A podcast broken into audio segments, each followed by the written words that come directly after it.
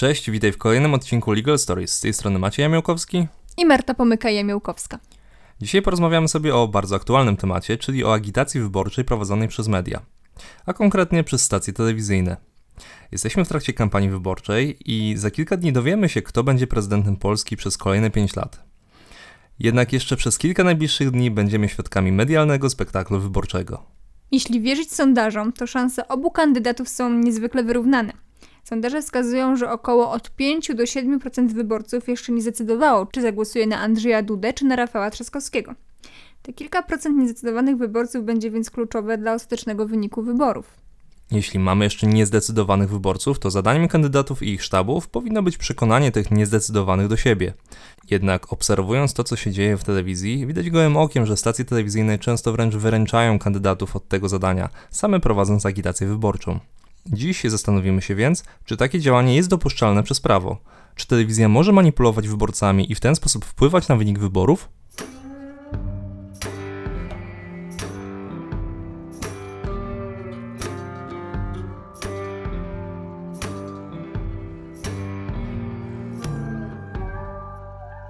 Zacznijmy od tego, że sytuacja prawna telewizji publicznej różni się od sytuacji prawnej telewizji prywatnych. Przede wszystkim, zgodnie z ustawą o radiofonii i telewizji, telewizja publiczna realizuje misję publiczną, oferując na zasadach określonych w ustawie całemu społeczeństwu i poszczególnym jego częściom zróżnicowane programy i inne usługi, np. w zakresie informacji i publicystyki. Ustawa wskazuje również na konkretne cechy, jakie powinny posiadać programy i inne usługi świadczone przez telewizję publiczną, wskazując tutaj na pluralizm, bezstronność, wyważenie, niezależność, innowacyjność, wysoką jakość i integralność przekazu. Telewizje prywatne natomiast nie mają ustawowego obowiązku realizacji tego typu misji. Słowo bezstronność w ustawie o radiofonii i telewizji pojawia się tylko raz i to w odniesieniu właśnie do mediów publicznych. O obowiązku zachowania bezstronności i niezależności mediów publicznych wypowiadał się m.in. Europejski Trybunał Praw Człowieka w Strasburgu, np. w sprawie Manole i inni kontra Mołdawia. W tej sprawie dziennikarze publicznej stacji radiowej Teleradio Mołdowa zarzucili państwu mołdawskiemu nacisk polityczny na politykę redakcyjną nadawcy. Trybunał przyznał w tej sprawie rację dziennikarzom, stwierdzając, że doszło do naruszenia artykułu 10 Konwencji o ochronie praw człowieka i podstawowych wolności. Tak na marginesie ten przepis dotyczy wolności wyrażenia opinii. E, Trybunał wskazał, że jeżeli państwo decyduje się stworzyć system publicznych mediów, krajowe prawo i praktyka muszą zagwarantować, że system zapewnia pluralistyczne usługi, w tym bezstronne, niezależne i zrównoważone informacje i komentarze oraz forum debaty publicznej, na którym może być wyrażane jak najszersze spektrum poglądów i opinii. Wiemy już, że mamy w prawie zasadę dotyczącą bezstronności i pluralizmu w mediach publicznych. Zastanówmy się więc, czy istnieje jakieś skuteczne narzędzie do kontroli, czy ta misja telewizji publicznej jest faktycznie wykonywana. Tak więc, czy jeśli widzimy, że telewizja nie jest bezstronna w czasie kampanii wyborczej i popiera ewidentnie jednego kandydata, to czy możemy coś z tym zrobić? Na przykład złożyć skargę do Krajowej Rady Radiofonii i Telewizji lub złożyć skuteczny protest wyborczy? Wyjdźmy od tego, że zgodnie z przepisami w określonych przypadkach wskazanych w ustawie o radiofonii i telewizji, przewodniczący Krajowej Rady Radiofonii i Telewizji wydaje decyzję nakładającą na nadawcę karę pieniężną. Te kary mogą być naprawdę bolesne dla nadawców. Przykładowo TVN został ukarany karą w wysokości 250 tysięcy złotych za emisję kilku odcinków programu Rozmowy w toku, które miały mieć negatywny wpływ na rozwój małoletnich. Jednak okazuje się, że wśród katalogu przepisów, za złamanie których nakładana jest kara pieniężna, nie znajdziemy przepisu dotyczącego bezstronności mediów publicznych. To znaczy, że na dzień dzisiejszy brak bezstronności np. telewizji publicznej, pomimo że jest niezgodny z artykułem 21 ustawy o radiofonii i telewizji, to jednocześnie nie jest usankcjonowany w żaden sposób.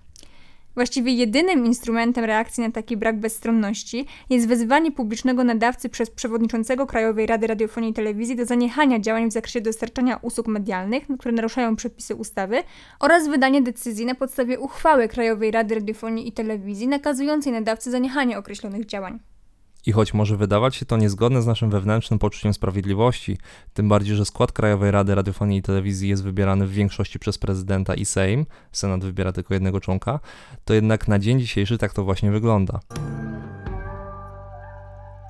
Brak bezstronności mediów publicznych nie pozostaje jednak bez reakcji samych widzów, chociażby widzów właśnie telewizji publicznej, e, co pokazuje najlepiej przykład z maja tego roku, ponieważ mm, właśnie w maju Rzecznik Praw Obywatelskich skierował do przewodniczącego Krajowej Rady Radiofonii i Telewizji pismo odnoszące się do właśnie do takiej skargi wniesionej przez e, grupę obywateli, skierowanej do Rzecznika Praw Obywatelskich. Ta skarga dotyczyła wieczornego programu wiadomości emitowanego na antenie TVP, jak wskazał w tym piśmie Rzecznik Praw Obywatelskich, obywatele wskazują na brak bezstronności, niezależności oraz pluralizmu w programach informacyjnych nadawcy publicznego oraz niewypełnianie misji publicznej. Wskazują przy tym także na tzw. Tak paski informacyjne. Dokładny opis tej sprawy, w tym też źródła, między innymi podajemy też to, to pismo Rzecznika Praw Obywatelskich, znajdziesz na, na naszej stronie, na naszym blogu, więc jeżeli chciałbyś pogłębić ten temat, to zapraszam Cię serdecznie. E, natomiast tutaj tylko jeszcze tak pokrótce wskażemy, że mm, Rzecznik Praw Obywatelskich w swoim piśmie powoływał się między innymi na artykuł 213 ustęp 1 Konstytucji wskazując, że Krajowa Rada Radiofonii i Telewizji stoi na straży wolności słowa, prawa do informacji oraz interesu publicznego w radiofonii i telewizji. No i tutaj Adam Bodnar zwrócił też uwagę, że ten interes publiczny obejmuje też przekazywanie przez publiczną telewizję społeczeństwu programów cechujących się pluralizmem, bezstronnością, wyważeniem i niezależnością. Mówiąc o tematach manipulacji dokonywanych przez e, telewizję, przez stacje telewizyjne, nie sposób nie wspomnieć o pewnych zasadach wynikających z prawa prasowego też, które dotyczą dziennikarzy. Już mówiliśmy o tych zasadach w poprzednim odcinku, kiedy rozmawialiśmy o fake newsach, natomiast dzisiaj tylko pokrótce przypomnimy, że zgodnie z prawem prasowym dziennikarz jest obowiązany zachować szczególną staranność i rzetelność przy zbieraniu i wykorzystywaniu materiałów prasowych, zwłaszcza sprawdzić zgodność z prawdą uzyskanych wiadomości i podać ich źródło. Zasada ta wynika z artykułu 12 prawa prasowego, możemy więc powiedzieć, że dziennikarze są ustawowo zobowiązani do tego, aby działali zgodnie z zasadami rzetelności dziennikarskiej z jednej strony i z drugiej strony, żeby podawane przez nich informacje były zgodne z prawdą. Warto też wspomnieć, że do dnia 19 września bieżącego roku Polska zobligowana jest do wprowadzenia przepisów tzw. Tak dyrektywy audiowizualnej. Zgodnie z dyrektywą organy regulacyjne mają być prawnie odrębne od rządu i funkcjonalnie niezależne od swoich rządów i od wszelkich innych podmiotów publicznych i prywatnych. Jak wskazuje były przewodniczący Krajowej Rady Radiofonii i Telewizji Jan Dworak, aktualnie Rada Mediów Narodowych oraz Krajowa Rada Radiofonii i Telewizji nie spełniają tych wymogów. Do wprowadzenia przepisów mających na celu implementację dyrektywy zostało już niewiele czasu. Zobaczymy, jak do tego tematu podejdzie polski ustawodawca i jak to się ewentualnie przełoży na funkcjonowanie mediów publicznych w naszym kraju. Wiemy już, że manipulacje mediów, które mogą wpłynąć na wynik wyborów, są właściwie bezkarne w świetle ustawy o radiofonii i telewizji, no ale każdy z nas pewnie słyszał kiedyś o protestach wyborczych. Zastanówmy się więc teraz, czy obywatel może złożyć skuteczny protest wyborczy, jeśli telewizja dopuszcza się manipulacji w czasie kampanii i w ten sposób wpływa pośrednio na wynik wyborów. Zacznijmy od tego, że nie jest to dyskusja akademicka. Próby podważenia ważności wyborów z uwagi na manipulację telewizji były podejmowane już przynajmniej kilka razy w związku z różnymi wyborami. Przykładowo, w październiku 2019 roku niezadowolona z wyniku wyborów obywatelka wniosła protest wyborczy do Sądu Najwyższego przeciwko ważności wyborów do Sejmu z 13 października 2019 roku. Wnosząca protest zarzuciła osobom odpowiedzialnym w telewizji polskiej za przygotowanie i prezentację materiałów dotyczących kampanii wyborczej do Sejmu dopuszczenia się przestępstwa przeciwko wyborom określonego w artykule 249 punkt 2 kodeksu karnego, mającego jej zdaniem wpływ na wynik wyborów. Zanim przytoczymy Ci stanowisko wskazane w tym proteście wyborczym, zobaczmy najpierw, co stanowi artykuł 249 punkt 2 kodeksu karnego, który był podstawą tego protestu. Zgodnie z tym artykułem, kto przemocą, groźbą bezprawną lub podstępem przeszkadza swobodnemu wykonywaniu prawa do kandydowania lub głosowania, podlega karze pozbawienia wolności od 3 miesięcy do lat 5. Przestępstwo to, zdaniem wnoszącej protest, polegało na przeszkadzaniu podstępem przez telewizję publiczną w swobodnym wykonywaniu praw do głosowania. Miało się to przejawiać poprzez faworyzowanie w mediach publicznych komitetu wyborczego partii rządzącej przy jednoczesnym dyskredytowaniu innych komitetów wyborczych i ich kandydatów oraz propozycji programowych. Tutaj warto dodać, że wskazywała ona również, że w związku z faktem, że przekaz telewizji polskiej dla części obywateli stanowi właściwie jedyne źródło wiedzy dotyczącej wydarzeń społeczno-politycznych, to też miał on wpływ na decyzje wyborcze właśnie tej części społeczeństwa. Wnosząca protest zwróciła również uwagę, to ciekawy argument, że nadawca publiczny działając w ten sposób dopuścił się naruszenia zasad przydziału i publikacji nieodpłatnego czasu antenowego przeznaczonego zgodnie z kodeksem wyborczym na agitację wyborczą wszystkich komitetów. Tym samym komitet partii rządzącej uzyskał jej zdaniem przewagę nad pozostałymi, otrzymując bezpłatny czas antenowy przeznaczony na agitację wyborczą, co zdaniem wnoszącej protest miało wpływ na decyzje wyborcze. No więc co na to Sąd Najwyższy? Sąd Najwyższy rozpatrując tę sprawę stwierdził, że czynność przeszkadzania w swobodnym oddaniu głosu, o której mowa w artykule 249 Kodeksu Karnego, który był podstawą tego protestu, e, musi być powiązana z faktem oddawania konkretnego głosu przez konkretną uprawnioną osobę. SN wskazał m.in., tutaj cytat, że faworyzowanie w mediach publicznych, a ściślej w telewizji publicznej komitetu wyborczego określonej partii politycznej w okresie poprzedzającym wybory do Sejmu nie może być uznane za przeszkadzanie w swobodnym oddaniu głosu, a więc za zakłócenie tego aktu, utrudnianie go czy też czynienie niemożliwym do realizacji. Sąd Najwyższy ostatecznie uznał, że protest wyborczy nie jest zasadny, w związku z czym pozostawił ten protest bez dalszego biegu.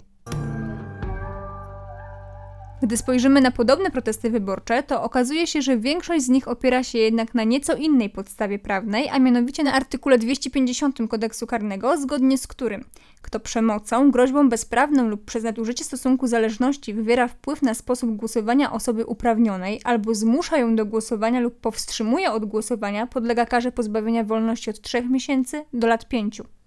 Tym miejscu przytoczymy Ci sprawę dotyczącą wyborów prezydenckich z 2000 roku, kiedy wnoszący protest zarzucił mediom manipulację skłaniającą wyborców do głosowania na Aleksandra Kwaśniewskiego. Sąd Najwyższy, rozpatrując protest wyborczy wniesiony w oparciu właśnie o artykuł 250 kodeksu karnego, wskazał, że, i tutaj przytoczę Tobie cytat, nie można podzielić wywodów protestu, że w okresie kampanii wyborczej doszło do naruszenia tego przepisu i to w sposób mający wpływ na wynik wyborów. Wywieranie wpływu na zachowanie się wyborców jest generalnie dozwolone, stanowi ono wręcz istotę wyborów.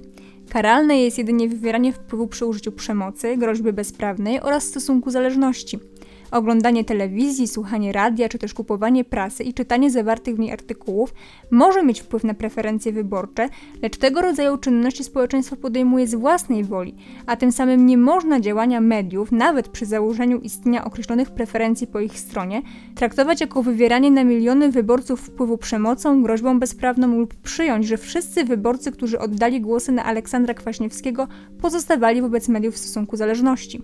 Jak więc widzisz, manipulacje medialne, nawet te agresywne i ewidentnie stronnicze, nie mogą być na dzień dzisiejszy podstawą skutecznego protestu wyborczego.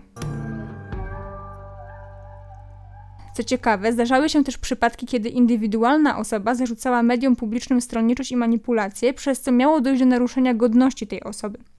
Właśnie wspomniany zarzut stronniczości i podawania nieprawdziwych informacji był podstawą pozwu w głośnej sprawie Sadowski przeciwko TVP.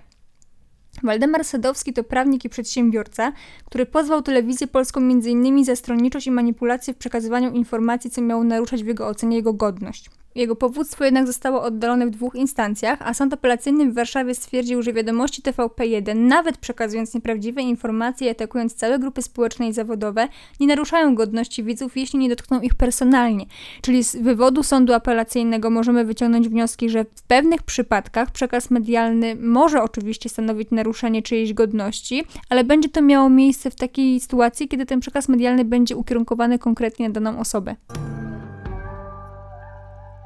I na sam koniec chcielibyśmy jeszcze zwrócić uwagę na jedną sprawę. Jest to sprawa z czerwca tego roku, a konkretnie z 24 czerwca.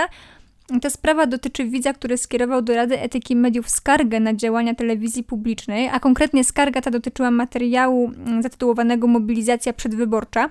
Skarżący wskazał, że w jego ocenie materiał, który ukazał się w telewizji publicznej, ewidentnie był stronniczy i miał na celu faworyzowanie tylko i wyłącznie obecnie urzędującego prezydenta Andrzeja Dudę.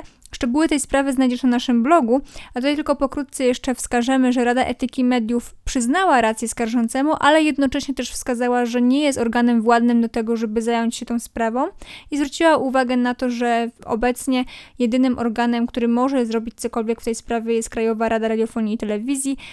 Także tutaj też w tym zakresie mm, potwierdza się to, o czym mówiliśmy wcześniej, że wszelkie działania związane z działaniami podejmowanymi przez media publiczne mogą być rozpatrywane właśnie przez organ, jakim jest Krajowa Rada Radiofonii i Telewizji. W ten sposób dotarliśmy do końca dzisiejszego odcinka. Podsumowując, możemy powiedzieć, że po pierwsze, szczególne zasady dotyczące realizacji misji publicznej i w związku z tym obowiązku zachowania bezstronności, pluralizmu i niezależności mediów dotyczą mediów publicznych, co wynika z ustawy o radiofonii i telewizji. Po drugie, brak bezstronności mediów publicznych i wpływanie na decyzje wyborców są niezgodne z zasadą bezstronności, ale jednocześnie nie są realnie sankcjonowane prawnie.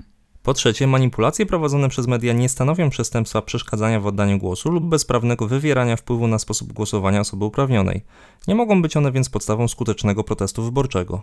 Po czwarte, stronniczość mediów i ataki medialne skierowane przeciwko określonym grupom osób nie naruszają godności danego widza, jeżeli takie działanie nie jest skierowane bezpośrednio przeciwko konkretnej osobie. I w ten oto sposób dotarliśmy do mety. Na dzisiaj to już koniec. Dokładny opis spraw, o których dziś mówiliśmy, znajdziesz na naszym blogu dostępnym pod adresem www.legalstories.pl. Będzie nam miło, jeśli podzielisz się z nami w komentarzu swoją opinią dotyczącą poruszanego dziś przez nas tematu. I pamiętaj, że jesteśmy też otwarci również na propozycje kolejnych tematów, o których chciałbyś się dowiedzieć czegoś ciekawego, także w tym zakresie też możesz dać nam znać. Zapraszamy Cię też do subskrypcji naszego kanału na YouTubie oraz do obserwowania nas na Spotify. Do usłyszenia w kolejnym odcinku. Cześć! Cześć.